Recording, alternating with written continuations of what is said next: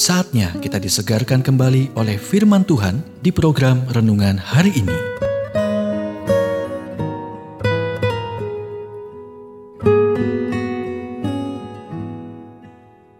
Renungan hari ini berjudul Pemikiran tentang Alkitab bagian kedua. Nats Alkitab Mazmur 119 ayat 89 Firmanmu tetap teguh di sorga.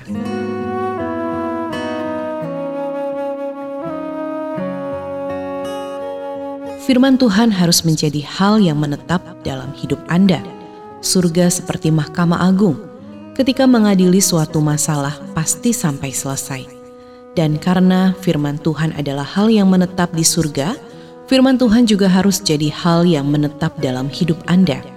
Yesus berkata, "Langit dan bumi akan berlalu, tetapi perkataanku tidak akan berlalu." Markus 13 ayat 31. Alkitab tidak perlu diperbaharui, karena sempurna dan tidak dapat diperbaiki. Itulah sebabnya Yesus memerintahkan Anda untuk membiarkan firman-Nya tinggal di dalam Anda. Yohanes 15 ayat 7. Dengan kata lain, jadwalkan pikiran Anda dengan kitab suci. Bagaimana Anda melakukannya? Pertama, berikan tempat tinggal tetap, bukan status pengunjung. Hendaklah perkataan Kristus diam dengan segala kekayaannya di antara kamu Kolose 3 ayat 16. Terimalah segala kekayaannya, artinya sepenuhnya dan berlimpah. Sebut saja kerja saturasi. Baca Alkitab, renungkan, ucapkan dengan lantang. Iya, dan bahkan menyanyikan kata-katanya. Sehingga kamu dengan segala hikmat mengajar dan menegur seorang akan yang lain dan sambil menyanyikan mazmur dan puji-pujian dan nyanyian rohani Kolose 3 ayat 16. Kedua, tempatkan di depan Anda setiap saat. Janganlah engkau lupa memperkatakan kitab Taurat ini, tetapi renungkanlah itu siang dan malam, supaya engkau bertindak hati-hati sesuai dengan segala yang tertulis di dalamnya.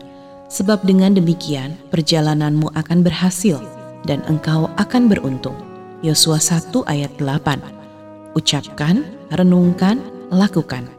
Anda berkata, tapi saya tidak dapat mengingat dengan baik. Tidak masalah.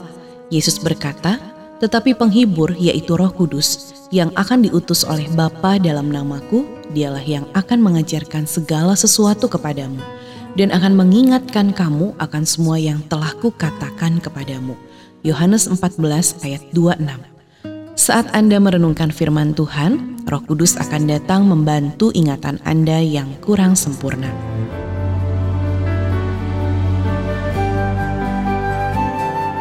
Kita telah mendengarkan renungan hari ini.